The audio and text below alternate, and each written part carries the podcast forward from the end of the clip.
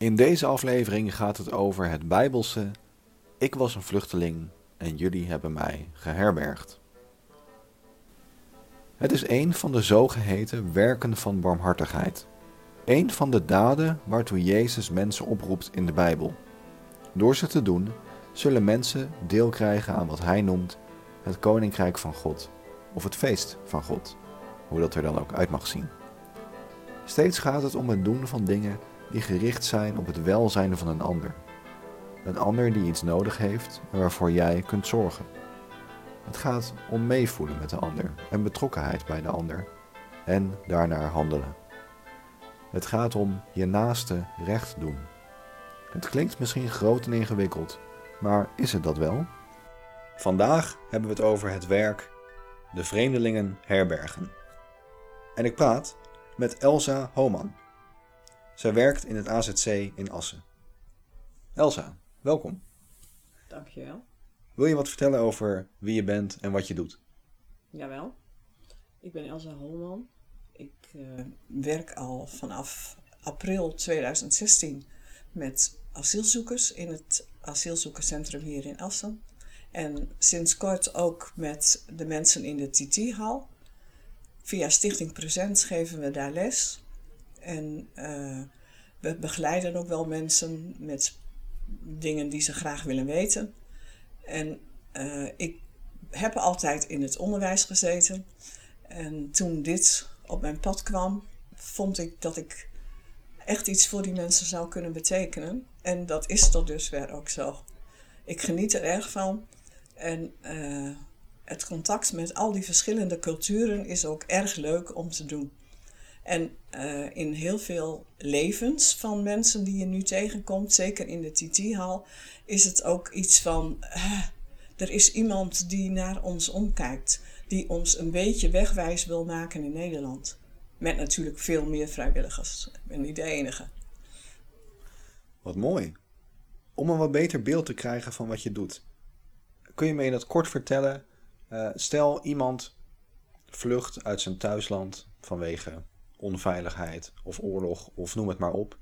En die persoon komt in Nederland terecht.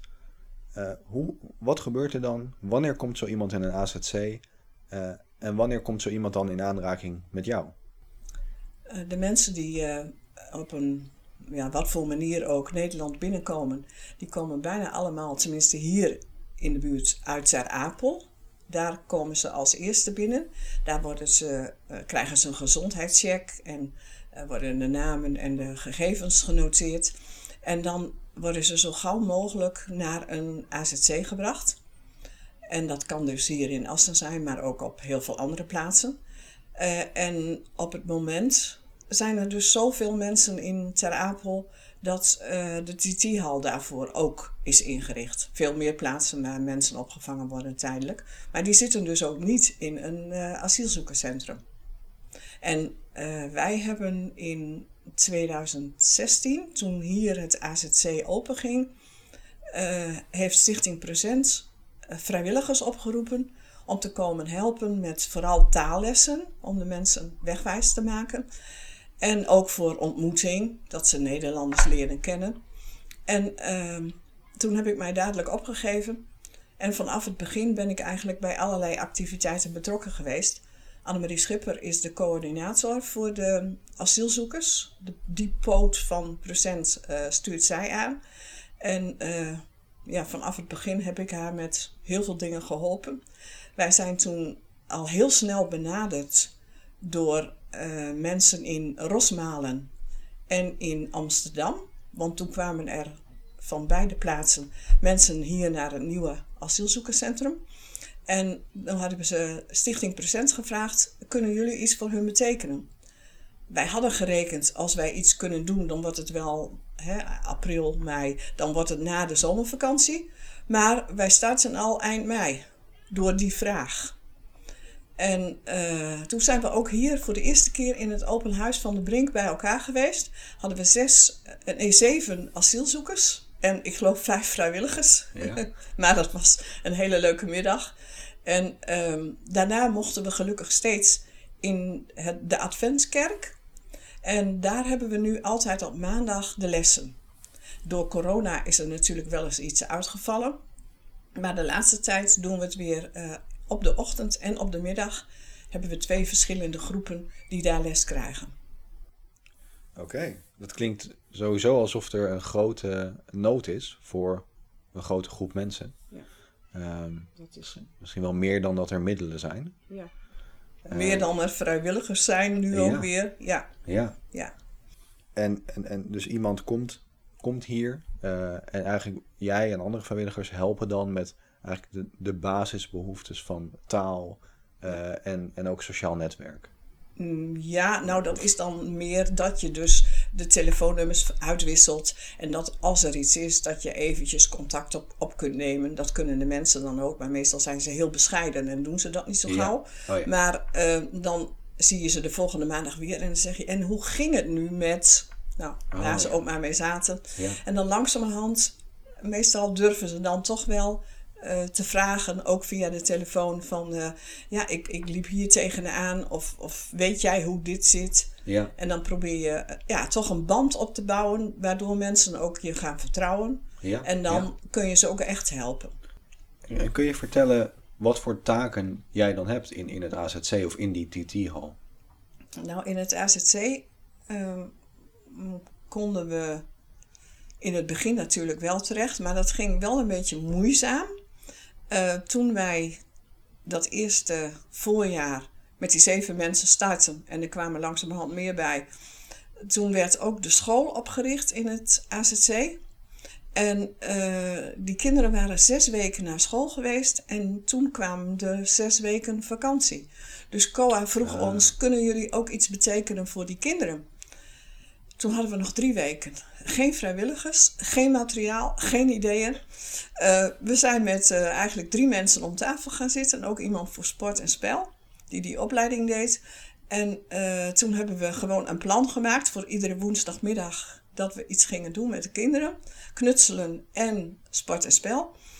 En alle materialen aangeschaft, natuurlijk alle vrijwilligers geronseld. En uh, dat liep eigenlijk vanaf het begin als een trein. Dat was gewoon na een week, als ze mij zagen, joef, joef, feest. Ja, het is weer feest. Oké. Okay. Uh, eh, toen de vakantie voorbij was, vond het COA dat wij ehm, zo goed bezig waren met de kinderen en met de andere dingen die we al aan het opstarten waren, dat we ook uh, toegang kregen tot het AZC zelf voor andere dingen. Ah, en toen konden we heel vlot starten met de vrouwenclub ja. op de woensdagochtend. Want uh, zeker in die tijd gingen de vrouwen van het AZC moeilijk uh, buitenshuis. Oh, Oké, ja. En daarom zijn we met, want op de maandag hadden we voornamelijk mannen. Ja. Voor de taallessen. Ja, ja, en toen zijn we dus met de vrouwenclub gestart op woensdagochtend om ah. echt de vrouwen bij elkaar te krijgen. En uh, dat liep ook goed. En uh, toen wilde COA zelf ook iets organiseren, maar die hadden geen vrijwilligers. En uh, toen hebben ze dus weer aan present gevraagd voor, voor vrijwilligers. En die volgende activiteit werd het taalcafé in het AZC op donderdagmiddag. En dat was ook erg leuk om te doen. Ja. Maar ja, nu door corona is er natuurlijk een heleboel weggevallen. Ja, ja, ja. ja. En, oh, en we hebben nog uh, Meet and Eat gedaan. De gezinnen van het AZC bij een Nederlands gezin eh, bij elkaar brengen. Eerste keer op het AZC eten. Ja. En de volgende keer ging dat AZC-gezin naar een Nederlands gezin om daar te eten. En oh, dat was ook heel erg leuk. Ja, oh, ja. We kennen natuurlijk allemaal uh, de beelden van tv. Maar hoe anders is het wanneer iemand die huis en haard heeft verlaten tegenover je zit en je hulp nodig heeft? Als iemand tegenover je zit, heb je ineens toch meer beeld, ander beeld. Je hebt een naam. Uh, je probeert ook contact te krijgen. En dat hoeft niet door het verhaal dat die persoon eh, over wat die persoon allemaal heeft meegemaakt. Want misschien vertelt hij je dat later wel, maar daar, daar vraag je nooit naar. Nee. Want uh, dat is zijn verhaal en als hij het kwijt wil, dan hoor je het wel. Ja. Maar je probeert gewoon er te zijn, te laten merken uh, dat hij of zij belangrijk is. En dat je graag met hem in gesprek wil En dat je graag wil laten merken, jij bent welkom in Nederland. Wij zien jou. Uh, we willen je helpen als het kan. Je mag er zijn.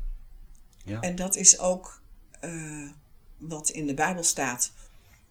Je hebt God lief en je hebt je naaste lief. Ja. En dat laat je op die manier ook merken. Soms vragen mensen ook, waarom doe je dit? Omdat ik christen ben. Oh, ik ben moslim. Ja, prima. Ja. Dat mag ook.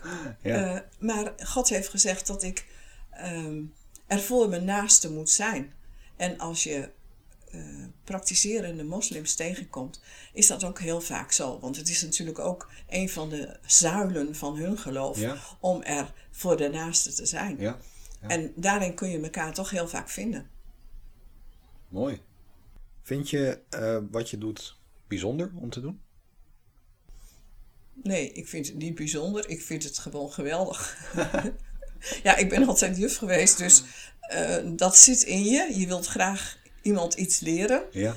En dat maakt niet uit op wat voor niveau. Vanochtend in de TT-hal had ik nog twee beginners, waarvan de een goed Engels sprak en de ander dus niet.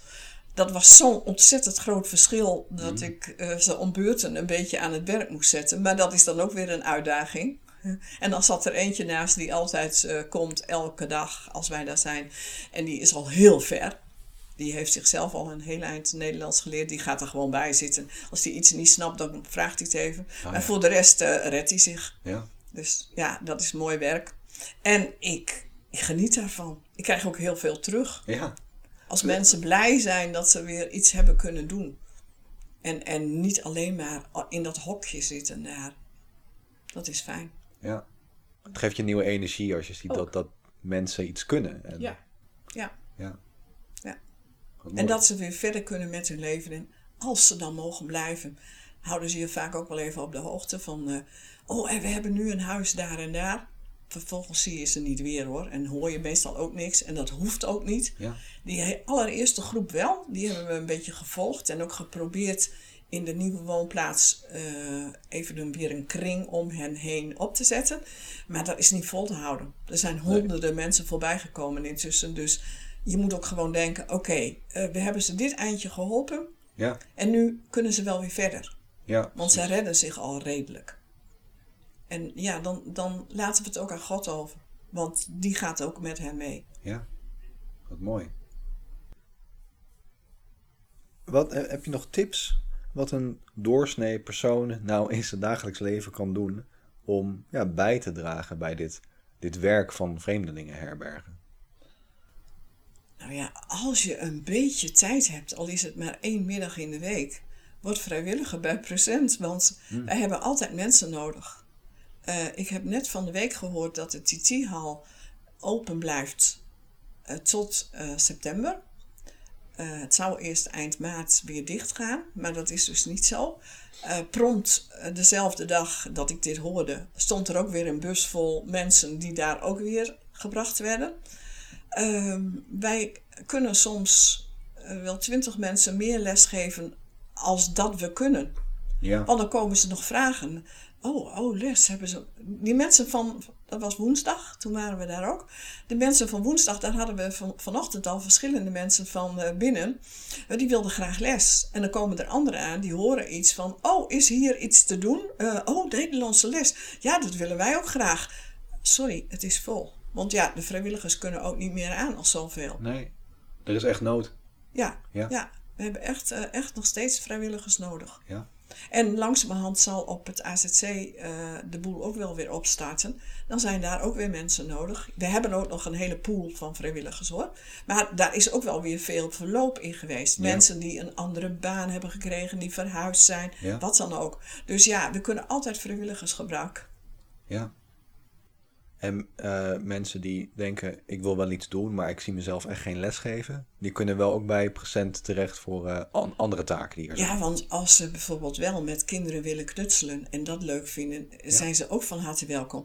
De vrouwenclub op woensdagochtend, uh, dat is geen lesgeven. Dat is gewoon gezellig kletsen en een spelletje doen. misschien iets creatiefs doen. Het hoeft niet ingewikkeld te zijn. Het hoeft helemaal niet ingewikkeld te zijn. En er komt bij, wij hebben nou, ik denk driekwart van de mensen die uh, Nederlandse les geeft, heeft helemaal geen onderwijsachtergrond. Maar oké, we komen er altijd uit. Ja, oh mooi. Een goede, goede oproep. Eh, ik heb nog een laatste dingetje. Uh, rondom vluchtelingen, asielbeleid, immigratie. Dat, ja, het kan ook wel eens tot discussies onder mensen leiden. Zijn er nou nog bepaalde denkbeelden of stereotypen die misschien leven waar je nog iets over wil zeggen? Dat ze misschien juist helemaal niet kloppen of juist wel?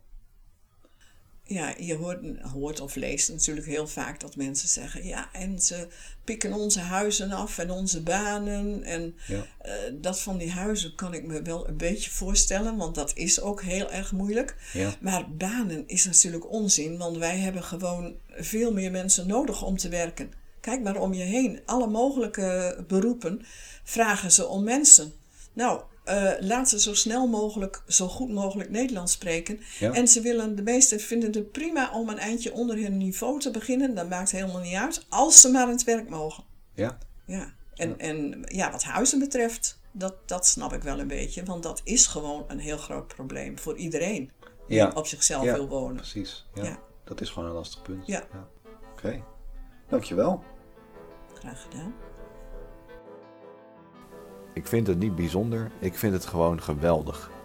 Wat een mooie en inspirerende uitspraak van Elsa. Iets doen voor iemand die uit een andere cultuur komt en een andere taal spreekt kan spannend zijn. Maar zoals gezegd, het hoeft niet groot te zijn. Je kan met een praatje of praktische hulp al veel betekenen. De volgende keer is er een ander werk aan de beurt: de gevangenen bezoeken. We spreken dan met Arnoud van der Meen, hij is geestelijk verzorger in de Forensisch Psychiatrische Kliniek in Assen. Dat is een gesloten instelling voor mensen met een psychiatrische en een delictachtergrond. Tot volgende week.